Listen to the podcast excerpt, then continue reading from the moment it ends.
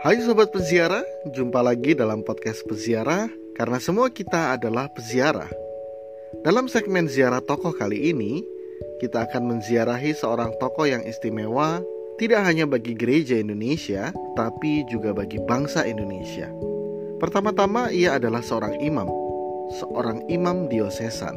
Tetapi selain itu, ia juga dikenal sebagai tokoh kemanusiaan, tokoh pendidik, tokoh sastra, novelis, penulis, budayawan, dan arsitek tersohor. Siapakah beliau? Ya, beliau adalah Romo Yusuf Biliarta Mangunwijaya yang dikenal luas sebagai Romo Mangun. Dan episode ini adalah episode yang dipersembahkan khusus oleh peziarah untuk mengenang beliau dan bagi gereja serta bangsa Indonesia dalam 22 tahun mengenang kepergian beliau menghadap Bapa tepatnya pada 10 Februari 1999. Mari kita ziarahi tokoh luar biasa ini bersama-sama. Yusuf Bilyarta Mangunwijaya. Sosok ini lahir di Ambarawa, Jawa Tengah pada 6 Mei 1929. Ia adalah sulung dari 12 bersaudara. Ayahnya bernama Yulianus Sumadi Mangunwijaya dan ibunya bernama Serafin Kamdania. Yusuf adalah nama baptisnya, sedangkan Bilyarta adalah nama kecilnya. Mangun Wijaya yang menjadi nama dewasanya diambil dari nama kakeknya yang adalah seorang petani tembakau. Terkait nama, Romo Mangun konon memiliki beberapa nama samaran, yakni Wastu Wijaya dan Talib Yusuf. Romo Mangun memulai pendidikannya di HIS Franciscus Saverius di Muntilan, Magelang pada usia 7 tahun. Pada tahun 1943, keluarga Romo Mangun hijrah ke Yogyakarta. Romo Mangun yang sempat menempuh sekolah teknik di Semarang, kemudian melanjutkan sekolahnya di Yogyakarta pada 1943 hingga 1947. Di sini Romo Mangun bersekolah di dua tempat. Pagi, ia meneruskan sekolah tekniknya di Sekolah Teknik Mataram di Jetis. Sore, ia melanjutkan sekolahnya di Sekolah Menengah AM Kri. Saat inilah Romo Mangun remaja mulai tertarik pada sejarah dunia dan filsafat. Sebelum sekolah dibubarkan setahun kemudian, Romo Mangun aktif pula mengikuti Kinrohoshi, semacam wajib kerja tanpa upah pada zaman Jepang. Kinrohoshi ini dilakukan di lapangan balapan Yogyakarta. Tidak lama kemudian memang pecahlah perang revolusi kemerdekaan. Sekolah-sekolah pun ditutup. Sebelum lulus dari STM, kira-kira pada tahun 1945, Romo Mangun remaja sempat bergabung dengan Tentara Keamanan Rakyat sebagai prajurit Batalion ke-10, Divisi ketiga, Kompi Zeni, dan bertugas di asrama militer Frederburg. Lalu di asrama militer di Kota Baru, Yogyakarta. Romo Mangun sempat pula ikut dalam pertempuran di Ambarawa, Magelang, dan Meranggen. Ketika bergabung dengan TKR, bahkan Romo Mangun pun sempat terlibat dalam pencurian mobil-mobil milik Jepang. Setahun kemudian, Romo Mangun kembali melanjutkan sekolahnya di STM Jetis dan bergabung menjadi tentara pelajar. Setelah lulus pada tahun 1947, agresi militer Belanda pertama melanda Indonesia. Romo Mangun pun kembali bergabung dalam tentara pelajar Brigade ke-17 dan bahkan pernah didapuk sebagai komandan seksi tentara pelajar Kompi Kedua. Ada beberapa pengalaman menarik dan istimewa ketika Romo Mangun menjadi tentara pelajar. Pertama, Romo Mangun pernah bertugas sebagai sopir pendamping Panglima Perang Sri Sultan Hamengkubuwono IX saat pemeriksaan pasukan. Kedua, Romo Mangun juga pernah menjadi sopir pengantar makanan untuk Mayor Soeharto yang kemudian menjadi presiden kedua Republik Indonesia. Usai kemerdekaan, Romo Mangun kembali ke Magelang dan kemudian melanjutkan sekolah di SMUB Santo Albertus Malang. Di masa SMA inilah ia mulai tertarik pada dunia pelayanan gereja Katolik khususnya untuk menjadi imam. Salah satu momen penting yang terjadi adalah ketika ia sebagai perwakilan pemuda Katolik menghadiri perayaan kemenangan Republik Indonesia di alun-alun kota Malang. Suasana gembira meliputi perayaan kemenangan waktu itu. Semua yang hadir dimabuk kemenangan.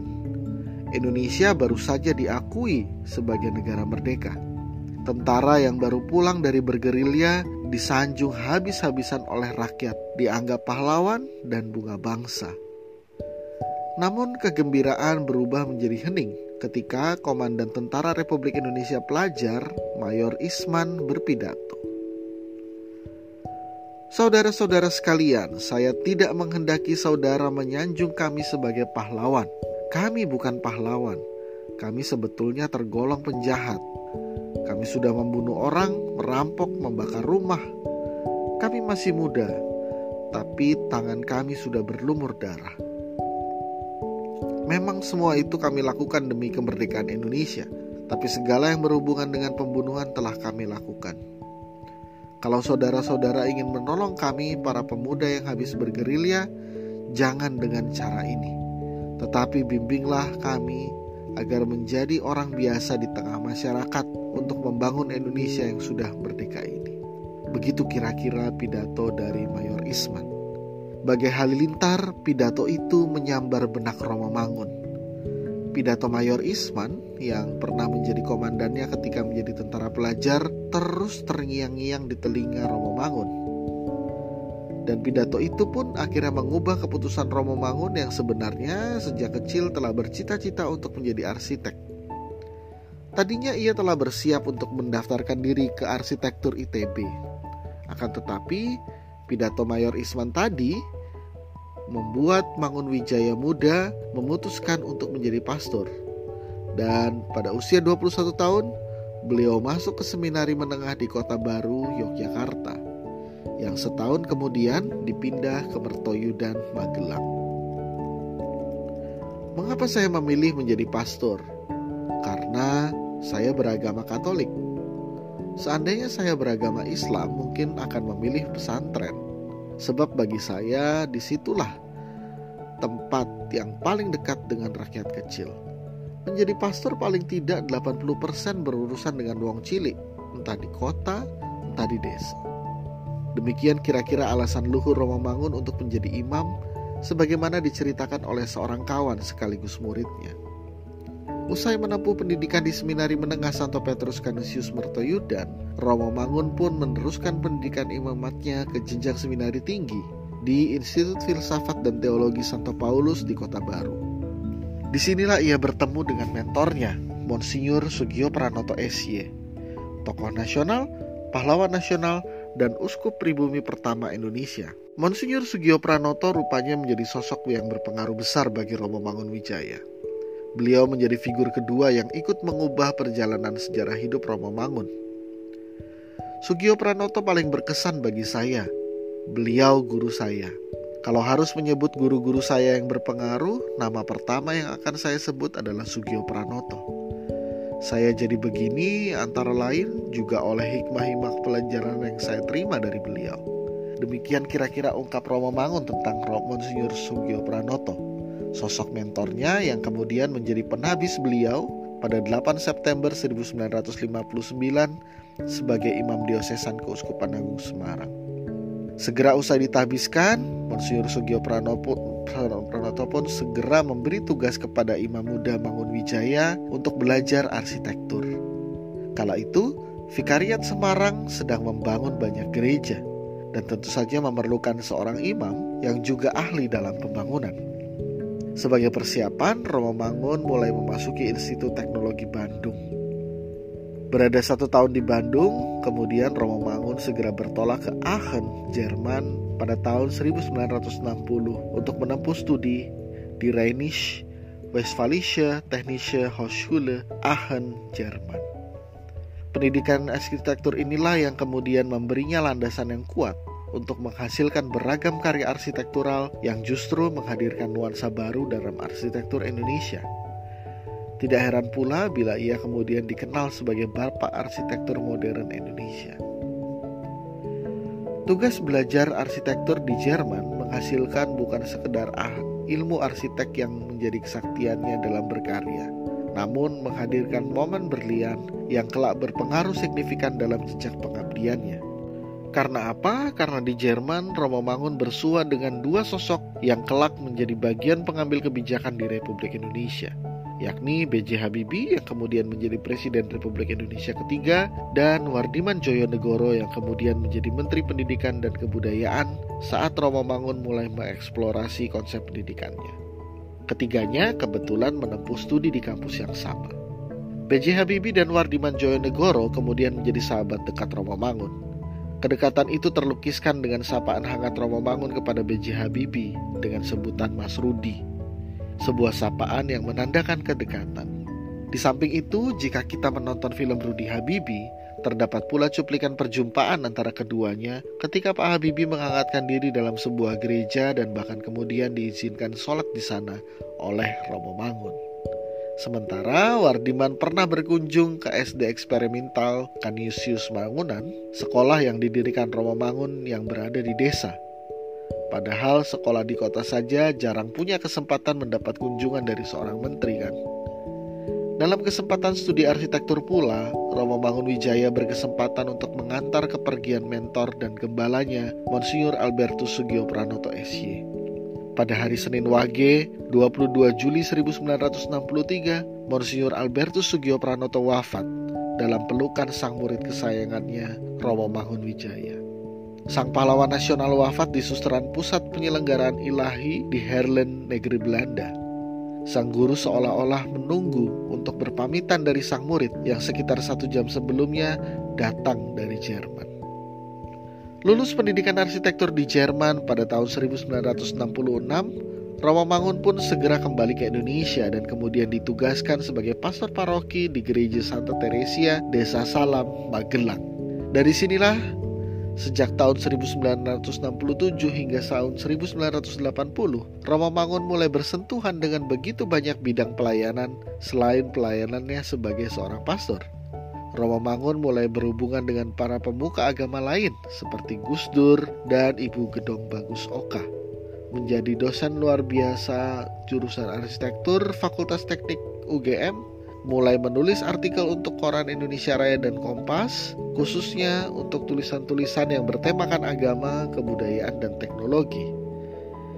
Di waktu luang, Romo Mangun menulis cerpen dan novel.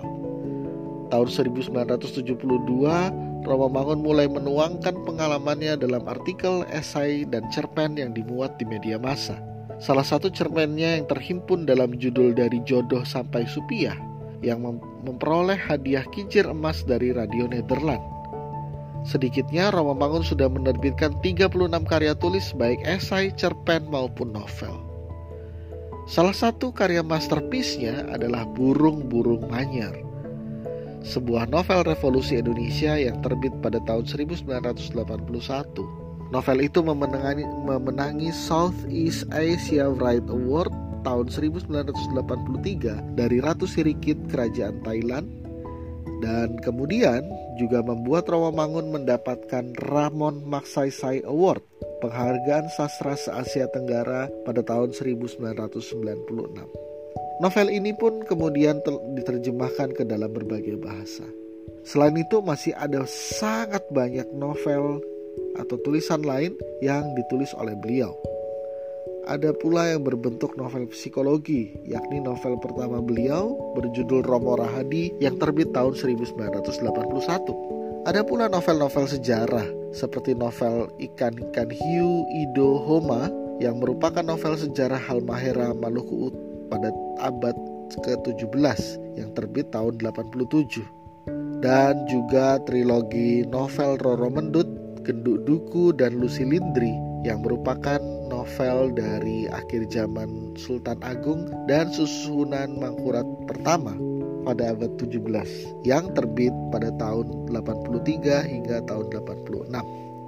Romo Mangun pun menjadi orang Indonesia kedua setelah Gunawan Muhammad yang mendapat penghargaan The Professor Theo Award di Leiden, Belanda untuk bidang sastra dan kepedulian terhadap masyarakat. Pada tahun 1978, atas dorongan Dr. Sujat Moko, Romo Mangun mengikuti kuliah singkat tentang masalah kemanusiaan sebagai Fellow of Aspen Institute for Humanistic Studies di Aspen, Colorado, Amerika Serikat. Sepulang dari Amerika Serikat, Romo Mangun semakin giat dalam karya pendampingan sosial bagi Wong Cilik. Contohnya, tahun 1980 hingga 1986, Romo Mangun mendampingi warga tepi Kali Code yang terancam penggusuran. Kebanyakan penduduk bantaran Kali Code ketika itu adalah tukang becak dan pengumpul sampah. Mereka tadinya datang dan menetap di sana secara liar. Dengan seizin dari uskup, Romo Mangun memutuskan untuk tinggal dan berkarya sebagai pekerja sosial di Lembah Kalicode, Yogyakarta sampai tahun 1986.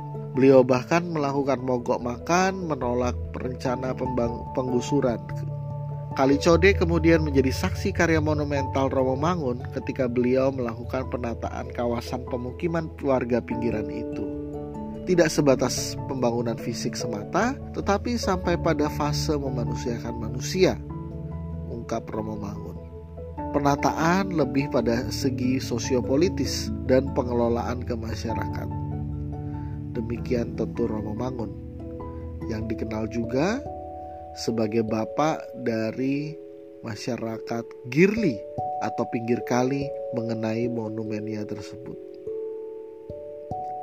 Penataan lingkungan Kali Code itu pun membuahkan The Aga Khan Award for Architecture, sebuah penghargaan bagi konsep arsitektur yang ramah lingkungan dan mewadahi aspirasi masyarakat pada tahun 1992. Tiga tahun kemudian, karya yang sama ini membuahkan penghargaan dari Stockholm, Swedia, yakni The Ruth and Ralph Erskine Fellowship Award untuk kategori arsitektur demi rakyat yang tak perhatikan.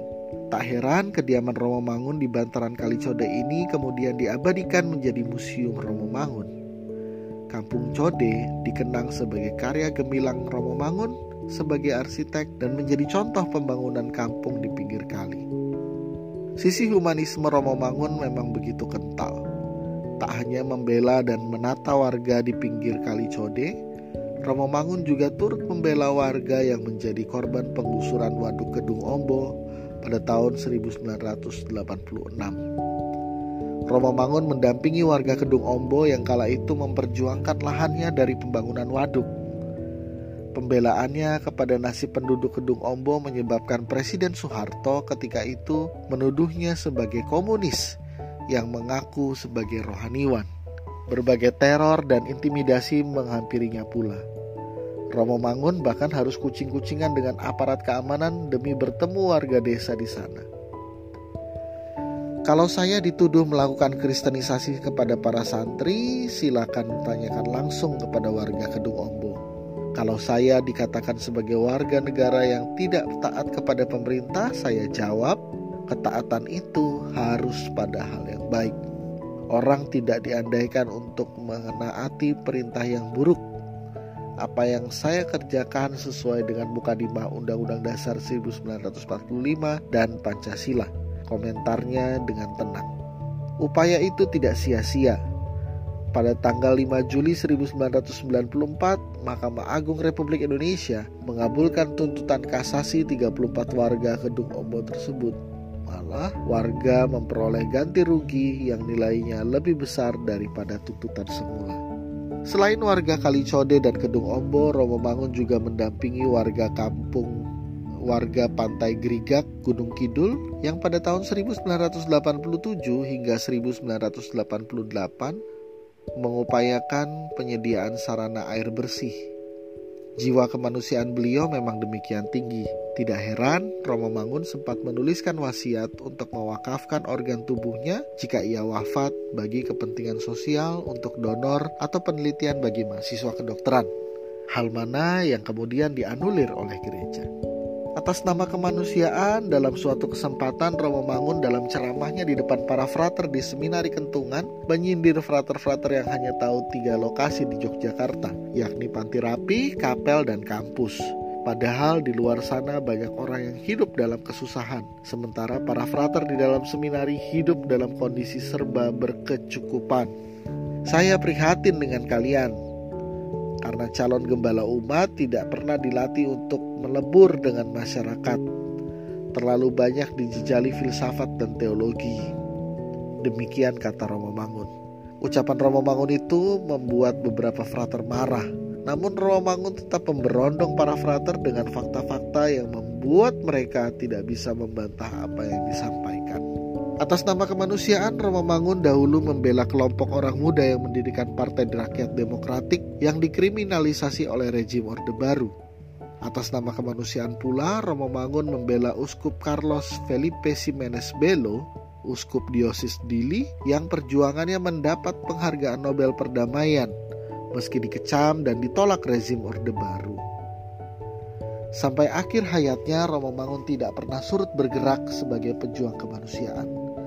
Ia pun bahkan ikut demo baik di Jakarta maupun di Yogyakarta bersama ribuan mahasiswa untuk menggalang people power yang akhirnya berhasil melengsarkan penguasa Orde Baru. Semua perjuangannya bagi kemanusiaan terlukis dalam kalimat luhur darinya ini. Tanah air ada di sana, di mana ada cinta dan kedekatan hati, di mana tidak ada manusia menginjak manusia lain. Sebagai insinyur yang budayawan, Romo Mangun selain terkenal sebagai teoritikus yang menonjol di kalangan kaum arsitek profesional dan universitas, juga terkenal sebagai praktisi yang tahu medan pragmatik pelaksanaan. Ia terpandang di level grand architecture, tetapi lebih memilih untuk terjun ke arsitektur kaum miskin. Sebagai arsitek, ia merancang banyak gedung, sebut saja Kompleks Peziarahan Sendang Sono yang mendapatkan penghargaan IAI Awards Gedung Keuskupan Agung Semarang, Bentara Budaya Jakarta, dan berbagai bangunan lainnya, termasuk beberapa gereja dan biara. Ikatan Arsitek Indonesia atau IAI sempat menganugerahinya IAI Awards tahun 1991 dan tahun 1993 sebagai penghargaan atas beberapa karya beliau. Beberapa gereja dan biara yang dirancang Romo Mangun di antaranya Gereja Katolik Cetis, Yogyakarta, Gereja Katolik Cilincing, Jakarta, Biara Terapis Gedono, Gereja Maria Asumta Klaten, Gereja Katolik Santa Perawan Maria di Fatima Sragen, Gereja Maria Sabta Duka Mendut, Gereja Katolik Santo Pius X Blora, dan Wisma Salam Magelang.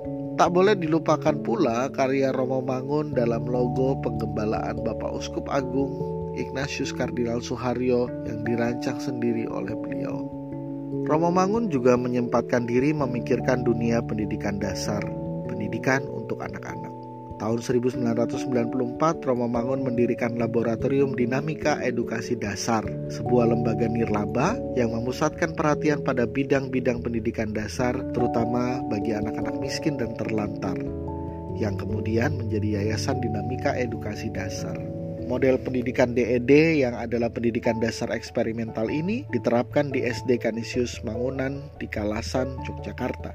Penerapan itu dimulai pada tahun 1994 atas izin dan dukungan Bapak Wardiman Joyonegoro yang menjadi Mendikbud pada waktu itu dan juga sahabat Romo Mangun ketika studi di Jerman.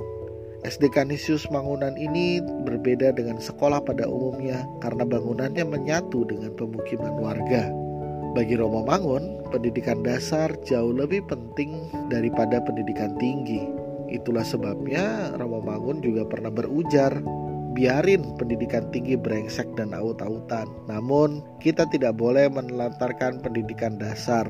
Romo Mangun juga pernah berpesan, kalau saya meninggal, biarkan saya meninggal sebagai guru sekolah dasar. Semangat dan keprihatinan Romo Mangun memikirkan pendidikan dasar rasanya berangkat dari pengalaman pribadinya menikmati pendidikan dasar yang sangat berkualitas dan penuh keindahan ketika menempuh pendidikan dasar di HIS Franciscus Saverius di Muntilan dahulu. Guru-gurunya, para imam dan biarawan sangat ulung dan sangat mencintai murid-murid pribumi. Mereka merasa bahagia dapat melihat anak didiknya mekar dalam sifat-sifat kemanusiaan yang baik termasuk kebajikan, suka membaca, dan menikmati dunia cerita pada umumnya. Romo Mangun sendiri telah menggemari novel Multatuli ketika berada di bangku sekolah menengah. Menurut Romo Mangun, pelajaran mengarang dan bercerita atau menulis cerita perlu dipadukan dalam keutuhan unsur lain yakni keterampilan mendengarkan cerita. Mengenai cara Romo Mangun mendidik anak-anak, budayawan Romo Muji Sutrisno memiliki kenangan tersendiri. Suatu kali bersama anak-anak didiknya, Romo Mangun merayakan ulang tahun salah seorang anak. Ketika itu Romo Mangun melihat anak-anak kecil tidak sanggup menghabiskan makanannya. Akhirnya Romo Mangun mengumpulkan sisa makanan tersebut menjadi satu dan memakannya supaya tidak ada yang terbuang. Sebagai guru yang rendah hati, Romo Mangun ingin memberi teladan bagi anak-anak didiknya bahwa menghabiskan makanan adalah cara bersyukur atas hikmat dan rejeki dari Sang Pencipta. Romo Mangun memang cita-citanya sudah banyak yang terlampaui. Sebagai arsitek, ia banyak membangun beragam bangunan yang membuahkan penghargaan-penghargaan. Sebagai penulis, karyanya pun diakui di tingkat dunia. Sayang, perjuangannya harus terhenti oleh penyakit jantung. Romo Mangun sebenarnya telah memasang alat pacu jantung sejak tahun 1990. Lalu sejak 1994 ia berniat mengurangi aktivitasnya sebagai pembicara di berbagai seminar dan diskusi. Meski demikian, awal Februari tahun 1999 ia justru menghadiri kegiatan yang ia hindari itu. Romo Mangun menghadiri dan menjadi pembicara dalam simposium meningkatkan buku dalam upaya membentuk masyarakat baru Indonesia yang diselenggarakan Yayasan Obor Indonesia di Hotel Le Meridien, Jakarta. Ketika tiba gilirannya berbicara, tidak lama ketika menyampaikan gagasannya, menyampaikan makalahnya, Romo Mangun kemudian limbung. Ia nyaris jatuh. Budayawan Muhammad Sobari langsung membaringkannya di lantai ruang puri. Tepat pukul 13.55 waktu Indonesia Barat pada hari Rabu Legi 10 Februari 1999 Mangun Wijaya wafat di pelukan Muhammad Sobari salah seorang sahabat baiknya. Dalam catatan Muhammad Sobari, Romo Mangun wafat sebagaimana keinginannya. Sebagai guru sekolah dasar, ketika sedang dalam tugas, di antara orang-orang yang menyayanginya, di antara manusia lintas suku, agama, ras, dan antar golongan, tidak terlebih dahulu merepotkan orang lain. Romo Mangun dinyatakan meninggal karena serangan jantung. Ketika disemayamkan di Katedral Jakarta, ribuan pelayat datang memberikan penghormatan terakhir.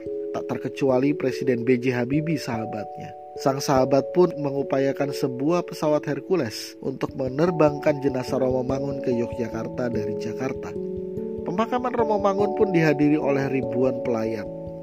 Hal ini menunjukkan betapa Romo Mangun merupakan pribadi yang sangat dikagumi sekaligus dihormati masyarakat dari berbagai kalangan.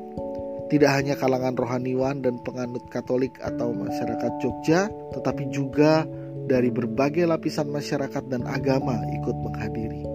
Hari kepergian Romo Mangun tanggal 10 Februari hingga kini selalu diperingati warga pinggir Kali Code untuk mengenang jasa sang pastor dari Ambarawa itu. Sobat peziarah, Romo Mangun adalah sebuah kenangan. Namun bukan kenangan yang gersang dan menggersangkan, ia adalah inspirasi subur dan menyuburkan yang melintasi sekat-sekat, menembus tembok-tembok pembeda.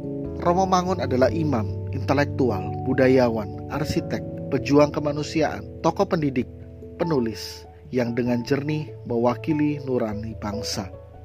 Seperti kata-kata Gus Dur, Romo Mangun mampu menembus sekat-sekat formalisme dan simbolisme dia sentuh setiap manusia dengan ketulusan cinta kasihnya yang terpancar dari keimanan dan keyakinannya. Inilah yang menyebabkan Romo Mangun mampu hadir dalam setiap manusia. Romo Mangun adalah salah seorang bapak bangsa Indonesia. Ia patut mendapat kehormatan semestinya. Romo Mangun, limpah terima kasih atas keteladananmu. 22 tahun sudah engkau meninggalkan kami Semoga keteladanan Romo semakin meneguhkan ziarah kami, para peziarah di dunia ini dalam memperjuangkan harapan bagi nurani kemanusiaan di tengah bangsa dan dunia ini. Doakan kami, Romo Mangun.